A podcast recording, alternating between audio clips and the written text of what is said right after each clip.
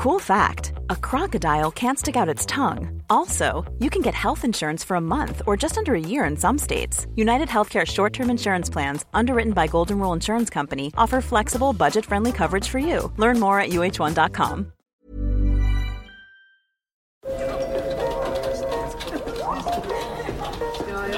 Dette er lyden av norsk næringsliv.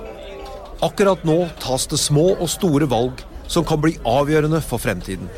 Med økonomisystemet X-Leger tas disse beslutningene basert på informasjon i sanntid, slik at drømmer og ambisjoner kan bli virkelighet. Få kontroll og oversikt. Gå inn på xledger.no. Denne sendingen er sponset av Xleger.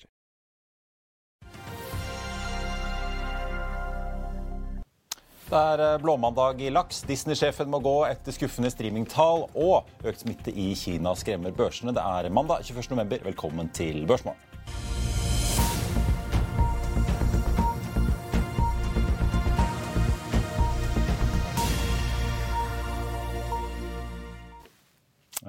Riktig god morgen og velkommen til oss her i Finansavisen. Mitt navn er Marius Lorentzen, og med meg har jeg aksjekommentator Karl Johan Målnes og sjømatanalytiker i Kepler Chevre Christian Olsen Nordby, som snart eh, skal gi oss en liten gjennomgang av hva i alle dager vi skal tenke og eh, pønske på rundt denne sektoren fremover. Hovedveksten endte ned 1,65% på Oslo Børs i forrige uke. I dag venter det med Markets en forsiktig oppgang på 0,1% fra start. Det samme venter Nordnes Roger Berntsen. Han peker også på at eh, Nasdaq-indeksen endte så vidt i pluss på fredag, mens den brede SMP-indeksen og da Dow Jones Industrial Average endte opp da 0,5 og 0,6% og at Dow Jones faktisk da har klart seg nå relativt bra hvis vi ser utviklingen så langt i år. Den er i gåsehudet kun ned 7,1% mens Nasdaq sliter med en samlet nedgang siden 1.1 på 28,8% I Asia er det stort sett bare oppdrift på Nikkei. Hang Seng-indeksen i Hongkong er ned 1,9% så langt. og Det er da økt smitte og nye nedstenginger og tiltak i Kina som ser ut til å skape litt sur stemning på ukens første børsdag da i eh, Asia. Ellers må vi jo sitte innom oljeprisen. Etter at den endte på over 90 dollar fatet på onsdag, så er nordsjøoljen nå gått ned. Ligger på 87,50, ned 2,8% Den amerikanske lettoljen ligger på 80 dollar og 9 cent, altså så vidt over 80 dollar-grensen par børsmeldinger det er verdt å få med seg på morgenkvisten. Nordic Nanovektor er ute med en melding om foreslåtte, den foreslåtte fusjonen med APIM Therapeutics. De skriver at de ikke ser noen vei videre som et selvstendig selskap, og da bruker dette som begrunnelse bl.a. for da den foreslåtte fusjonen. Magsize og deres fornybardivisjon er ute med en melding om at de har inngått en kontrakt for datainnhenting for et karbonfangst overvåkningsprosjekt i Nordsjøen. Datainnhentingen vil starte i fjerde kvartal nå i år, opplyser eh, Magsize. Shelf Drilling har fått en eh, forlenget kontrakt for jackupen Tenacious med et år til, eh, da frem til november 2023 utenfor kysten av Angola. Og kontrakten har en opsjon på ytterligere ett år videre, ifølge meldingen fra selskapet. Vi skal straks få med dagens gjester og er tilbake rett etter dette. La oss i Finansavisen hjelpe deg med å holde deg oppdatert på alt som skjer i finans og næringsliv. Hver morgen er jeg, Marius Lorentzen, og aksjekommentator Karl Johan Målnes på plass i studio for å ta tempen på dagens marked i Børsmorgen. På ettermiddagen oppsummerer vi alt du trenger å vite i økonominyhetene, og så får vi selvfølgelig besøk av masse interessante gjester. Du finner oss på fa.no-tv, eller ved å søke opp Børsmorgen og Økonominyhetene der du hører på podkast.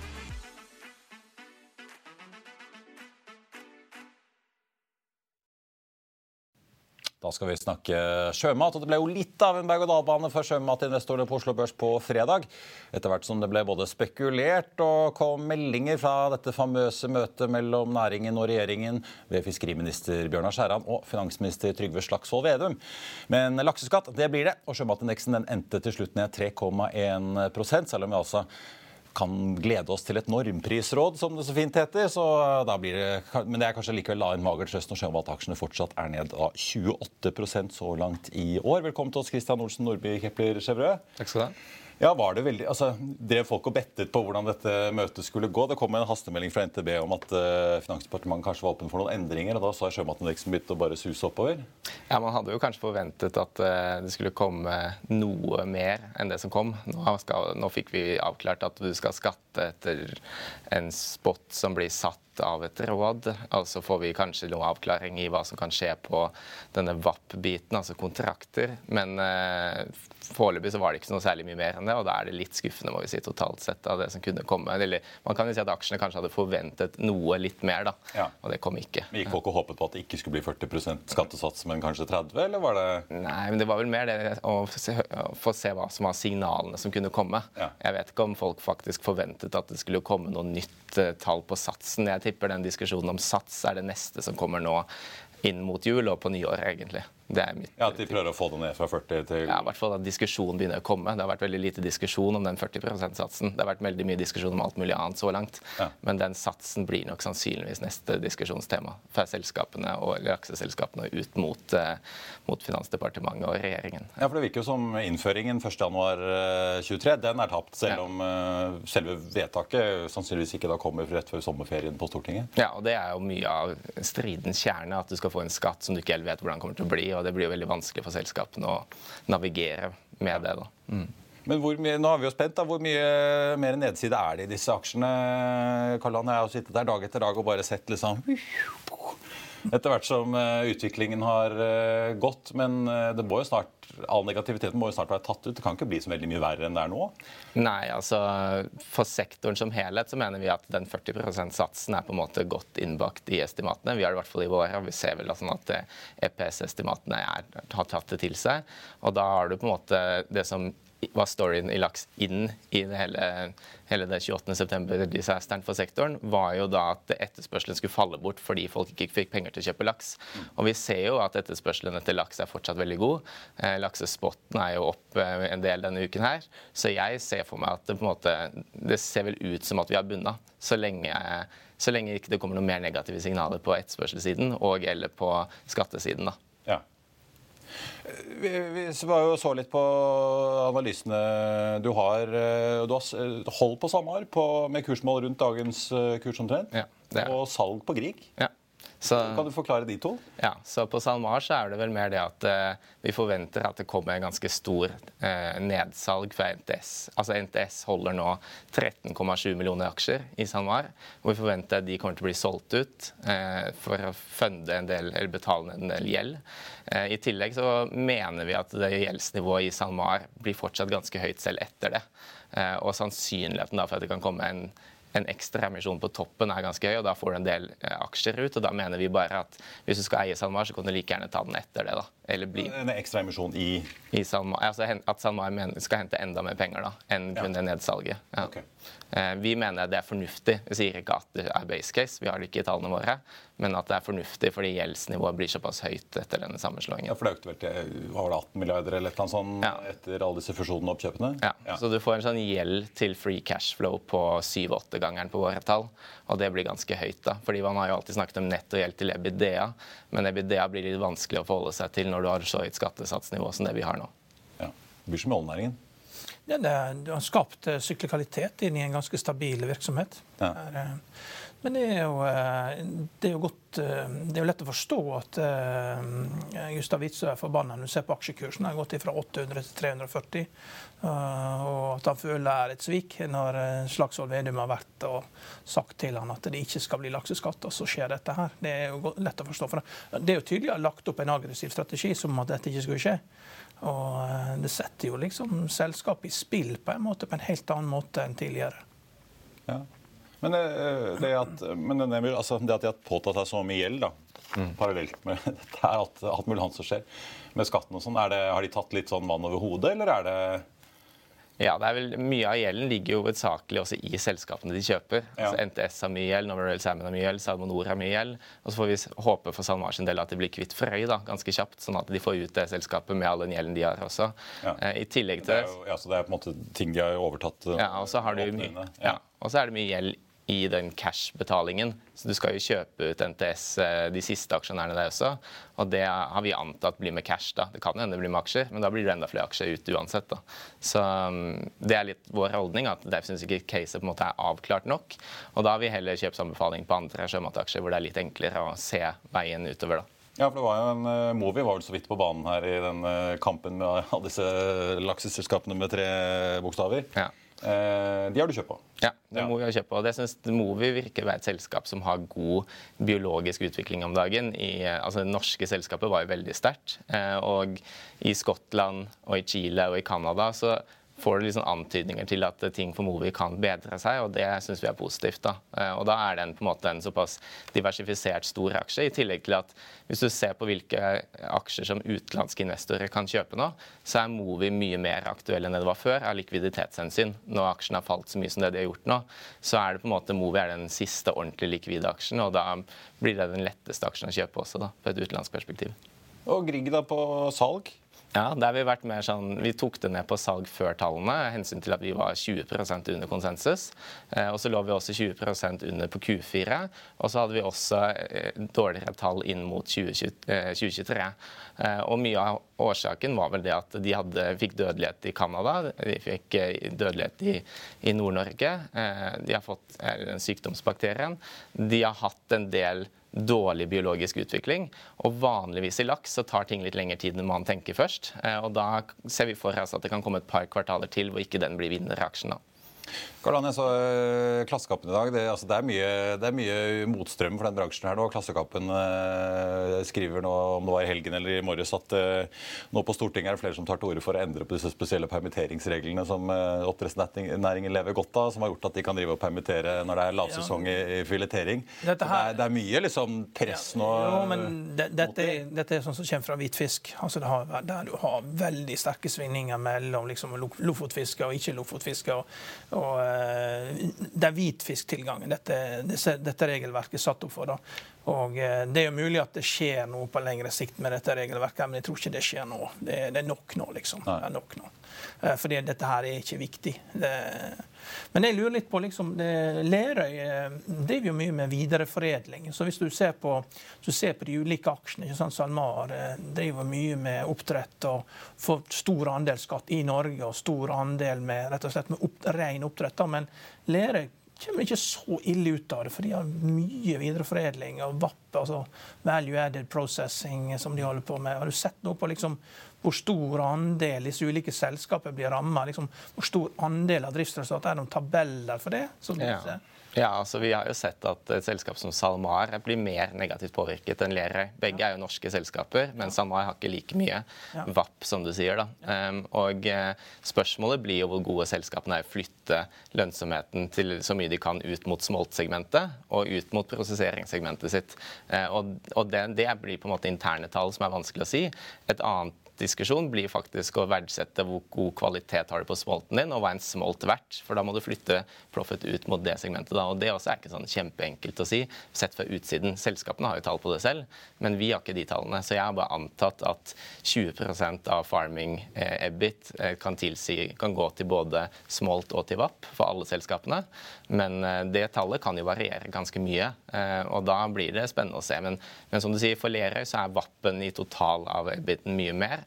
Eh, og sånn sett så får de lavere eh, negativ påvirkning av skatten. Ja, for det er ikke bare på til, altså Skattetilpasning nå handler det om at uh, du har 22% skatt i det småttanlegget, du har 62 mm. i sjøen, og så har du 22 igjen med en gang du begynner å filetere og skal pakke. Ja. Rett og slett om å fysisk flytte mest mulig ja, og det... uten å jukse med internfakturering, liksom, men at du rett og slett begynner å flytte prosessen. Ja, så De må jo sette opp eh, egne profit centers. Ja. Eh, og vet, De tallene vet vi ikke. Nei. Så det blir veldig spennende å se, faktisk. Ja. Men, men, selskapene får mye å gjøre fremover når de skal kommunisere ut alt dette. Ja, Robert Ness fikk jo spørsmål på Twitter hva han ville gjort. Han ville sagt at han ville solgt oppdrettsanlegget til selskaper som hver hadde fem konsesjoner hver, og som fikk 22 skatt. og ja. Dermed var, det ingen som måtte betale 40% skatt. og Så oppretter man da sånn evigvarende kjøpsavtale for disse selskapene. Tror du du får gjennomskjæring på noe sånt, hvis det er noen som prøver på det? Ja, Det som er spørsmålet med det, er hvordan du skal ta oss og stoppe det, men samtidig eh, holde den bunnfradraget for de små selskapene. Altså Senterpartiet vil jo supporte de små lakseselskapene. Eh, og da er det vanskelig å på en måte stoppe den oppsplittingen, men samtidig ikke men samtidig beskytte de små. da. Du kan jo også se for deg et, et, eksempel der hvor du har et selskap langs kysten på 15 000 tonn, hvor det eies av en familie. og Da kan jo det selskapet splittes i 5000 tonn ganger tre, ganske enkelt, og fortsette som før. Hvorfor skal det også bli ulovlig da, i den nye settingen? Jeg, jeg syns det der blir veldig vanskelig å se hvordan de skal stoppe det. Så det er jeg ganske spent på, men det er nok ikke noe som kommer med det første. Det, har vært en av jokerne til Vedum at uh, dette store bunnfradaget og en av kronargumentene han brukte for hvorfor Senterpartiet har snudd, eller i hvert fall han har snudd. Ja. Ja. Nei, men Det kan jo godt hende. Det, det, det, politikerne er så irrasjonelle at det kan godt hende de er fornøyde hvis de får oppdelt i mindre enheter. Ja. Det er ikke penger, for penger er det nok av. Dette her er bare prinsippet, du. Plutselig så begynner vi å se i børsterminalen så, så SAMAR 1 ASA, SAMAR 2 ASA, SAMAR 3 ASA. Så kan du sitte og. Penger har vi nok av, ikke sant? Ja. Det er helt merkelig. Men Kristian, vi må innom, altså Hvis du nå ikke bare orker norsk sjømat fordi at uh, du syns at her er det så mye rør og politiske diskusjoner og professorer som mener ditt og datt, og du bare vil uh, si takk og farvel du dekker jo en del utenlandske selskaper også. Dette chilenske uh, selskapet som det står stille for meg akkurat hva Salmones Camanchaca. Takk, Cardan. Mm. Uh, og Kingfish nede i Nederland som driver med tunfisk. Men skal vi begynne med chilenerne først? Altså, Hvis man nå ønsker å se utenfor Norge mm. Man kan jo åpenbart investere i, i Movi og de andre som har virksomhet i flere land. Mm. Uh, men hvis man bare vil holde seg rent utenlandsk, uh, hva, har man, hva har man å gå på der? Ja, altså hvis du tar Salmones Kamanchaka, da, så er det eh, historisk sett en mer lavkvalitetsspiller eh, på marginmessig sett. Eh, fordi at i Chile er det ikke like lønnsomt som her til lands. Men så får du nå den skatten, og da blir jo på en måte, hvis du tar med skatt som en kostnad, så blir det jo på en måte lønnsomheten ganske lik sannsynligvis, eller til fordel for chilenerne, kanskje. Vi får se. De har slitt mye med covid og med alge, en algebloom i 2021 eh, som har vært som ødeleggende for caset. Men nå ser du at Ebit per kilo har snudd litt for det selskapet. Og da blir det litt spennende å følge, for det er såpass billig. Vi får vel P6 på våre tall. Så du, du, skal ikke ha så mange år da, med P6 før du får tilbake pengene dine. Så det er klart at eh, vi syns det er et decent spill. Det er veldig illikvid, da, så du må tåle den eh, likviditetsdiskanten som ja. er. Og dette er Kingfish eh, som driver med tunfisk, er Euronex Growth-aksje. Mm. Det er, jo ikke, det er jo ikke storbutikken hvis du sammenligner med Lerøy og SalMar akkurat. Nei. Det som er spennende med Kingfish, er jo at de er jo et landbasert case med en annen art. Og de har jo da eh, markedet stort sett for seg selv. Eh, fordi at det er ingen andre som lager det. For de er nederlandske? Ja. ja. Eh, men de selger da i Europa, da. Eh, og den fisken selges for ja, dobbelt så mye som laks i snitt. Eh, kostnaden De har nå kommet seg på sånn EBDA break-even-nivå, som er ganske imponerende, gitt den skalaen de har. Og så har du også fått inn eh, en litt spennende aksjonærbase, da, som er kapitalsterke. F.eks. Stolt-Nielsen har kommet inn, og de har jo også en Stolt-Nielsen Sea Farms. Så det blir spennende å se om det kanskje på et eller annet tidspunkt eh, eh blir noe sammenslåing der. da. Det blir spekulasjoner, selvfølgelig. Men eh, det er en spennende setup. da syns vi. Vi har jo fulgt med på uh, katastrofen som kursen uh, i Atlantic Sapphire har vært. Men det skjer jo en del andre ting, sånn som i Kingfish, ja. Salmon Evolution, ja. som er ute og hatt sin første slakt ja. i Norge på land. Ja. Hvor store er disse tunfiskene? I størrelse? Ja, i det som de har i oppdrett. Hvor, hvor, mye har de, hvor langt har de kommet, liksom?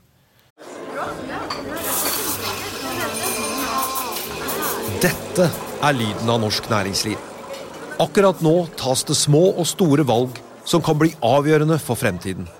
Med økonomisystemet X-Leger tas disse beslutningene basert på informasjon i samtid, slik at drømmer og ambisjoner kan bli virkelighet.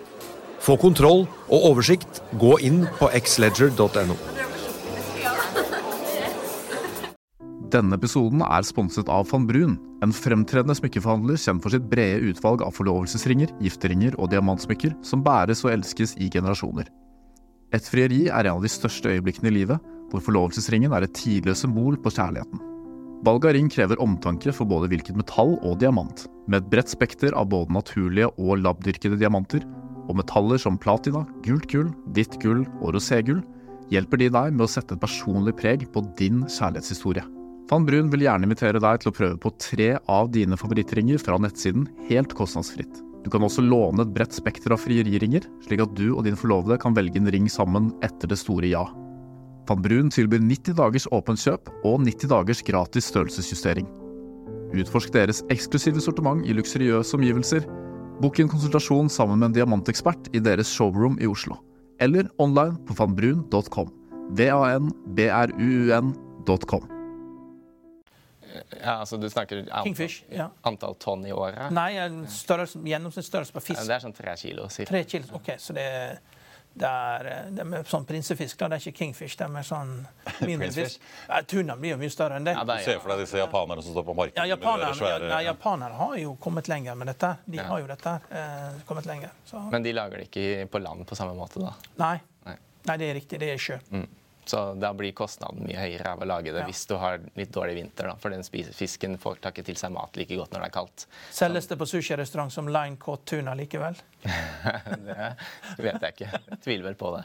Men er det, virker det, hvis du, når du snakker med kunden din, og jeg antar du har vært mye på telefonen i det siste med alt av endringer og spekulasjoner om endringer og hva som kommer, så får vi jo se hva som faktisk kommer i proposisjonen til Stortinget på skatten til våren. Men er det mange som nå begynner å vurdere investeringer i andre typer selskap enn enn det de har, eller er det mange som har låst typ, nettopp fordi Kingfish er på Aunes Growth, det er for lite likviditet, som du sier i, i Samones Kamachaka? Ja, Likviditet er viktig, og i de selskapene her så er likviditeten såpass tynn at du det blir en sånn spesiell type investor da, som tar det. Eh, Det er fortsatt ganske stort hopp fra disse selskapene opp til Movi f.eks. Og da gjør det at du, de samme investorene er der, er der fortsatt. Det er vel mer det at eh, en del av forvalterne i f.eks. USA er ute av Movi. Det merker du. Altså, fordi at de vil ikke ta den politiske biten. da. Nei.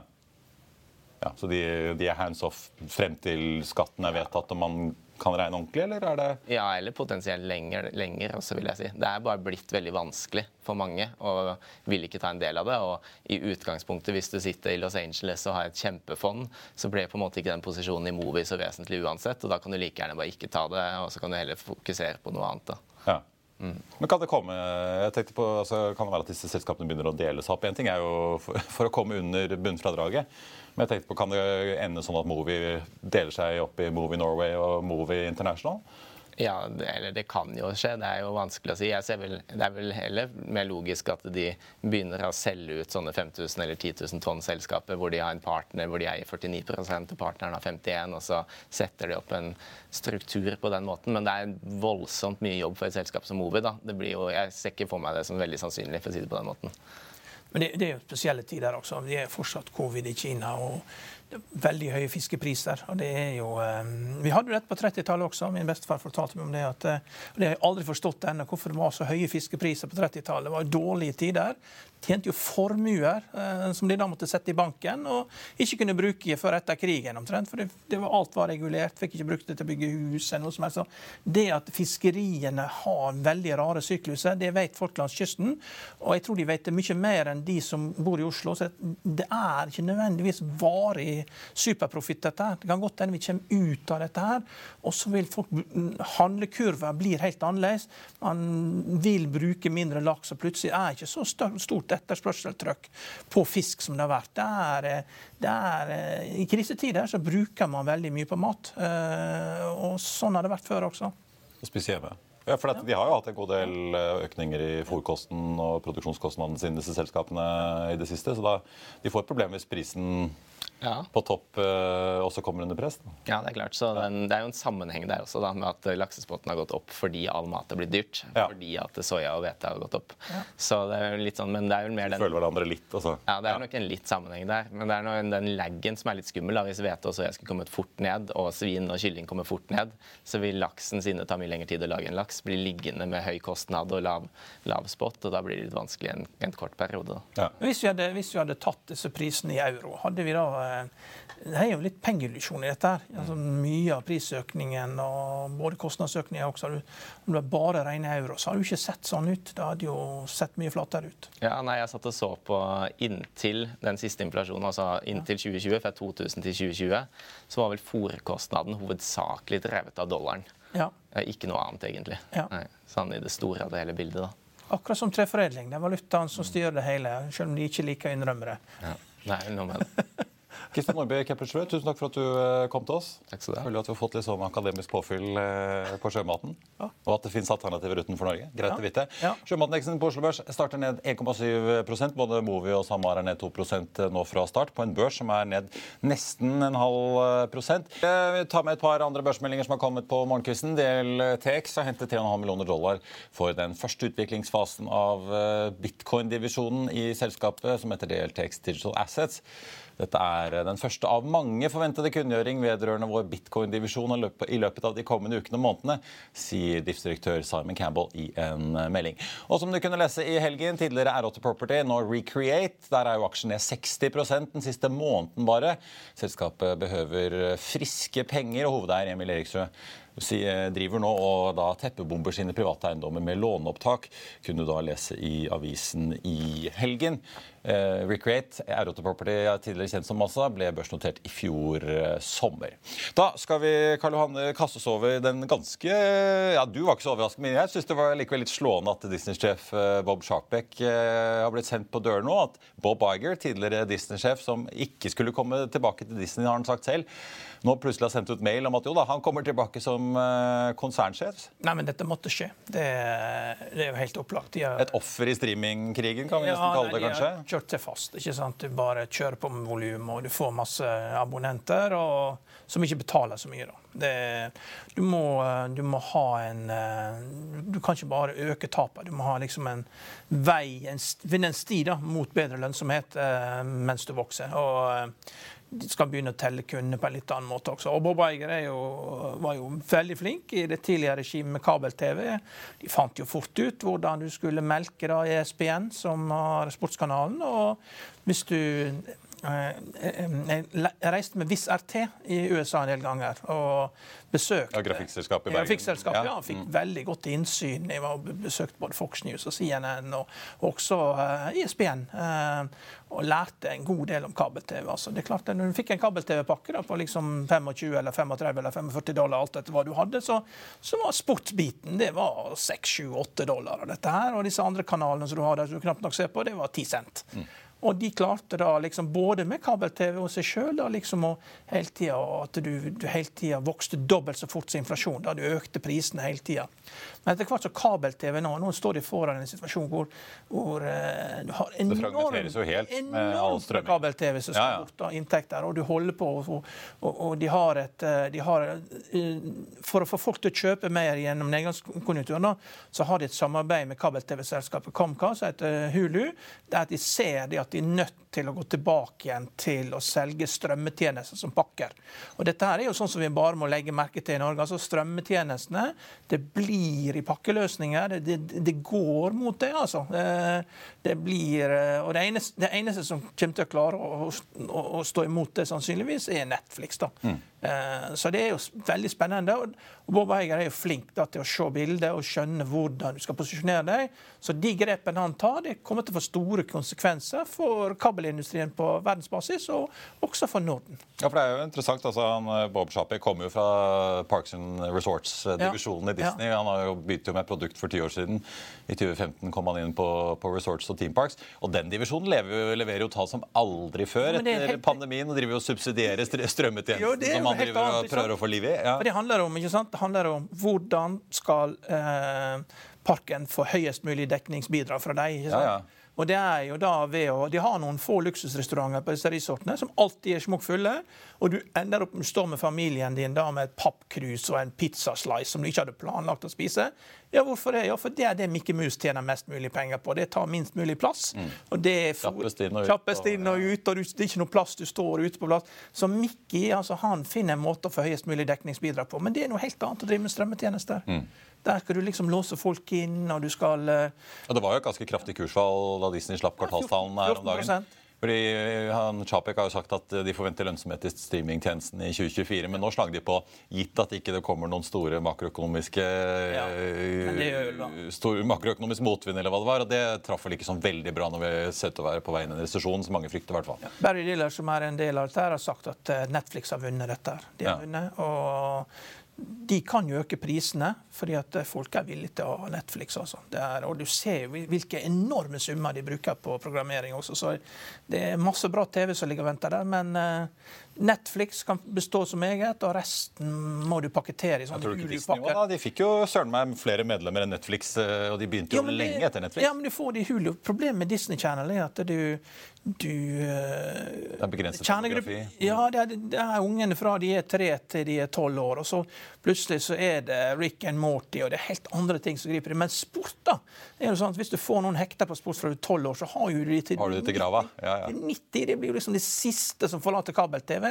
Det er jo sportsfans. Og det, ESPN turte jo ikke Selv med han eh, Daniel Laab, da han i eh, Third Point, eller hva heter hedgefondet, som hele tida går inn og ut av Disney og prøver å få det til han, Selv han skjønte det med den demografien, at det, det er ikke lurt å bare gå til strømmetjeneste på ESPN, for at du har så han, utrolig mange gamle fans. Det var han eller de andre fondene som foreslo ja. å spinne ut ESPN, men den snudde de på, da. Så de, ja. ja.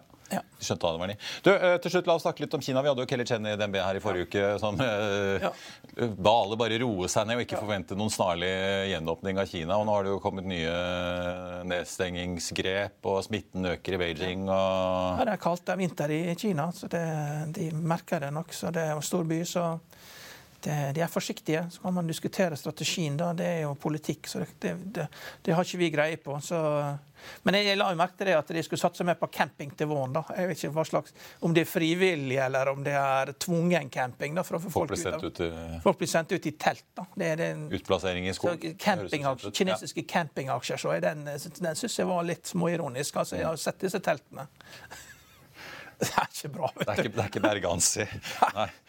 Nei, jeg bare så på, Det kom et par sånne nyhetsbulletenger om at nå var det rapportert første dødsfallene etter korona på, på, seks måneder i Kina. Så det, vi får se om det blir en Kommer banker på døra og sier nå skal vi på camping. Ja. Men, med de sakene dine. Se Hang Seng ser ut til å ende ned rundt par prosent, prosent. Eh, så en relativt sur start på børsuken. Ja. ja. Veldig bra. På tappen eh, av sendingen tenkte jeg bare ta med noen analytikeroppdateringer som har kommet. City tar og jekker opp kursmålet på Subsea 7 fra 105 til 130 kroner. Gjentar kjøpsanbefalingen på oljeservicekonsernet.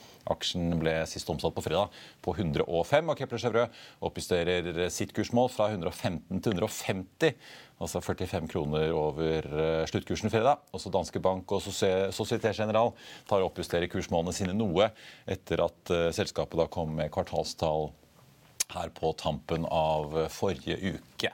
Og så må vi jo innom TAG. Pareto oppjusterer kursmålet på Frontline fra 160 til 193 kroner. Opprettholder kjøp. Aksjen ble sist omsatt for 144. Og så er det jo gassfraktaksjen BVLPG. da. Pareto jekker opp den nå. Kursmålet tar de fra 73 til 96. Gjentar hold. Aksjen ble sist omsatt for 90 kroner.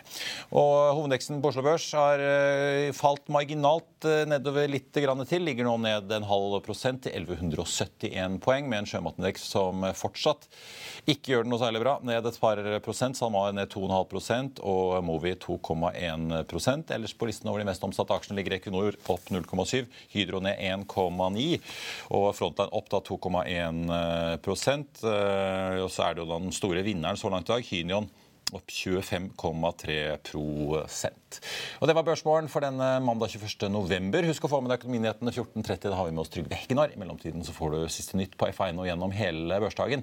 Ha en riktig god dag videre. Takk for nå.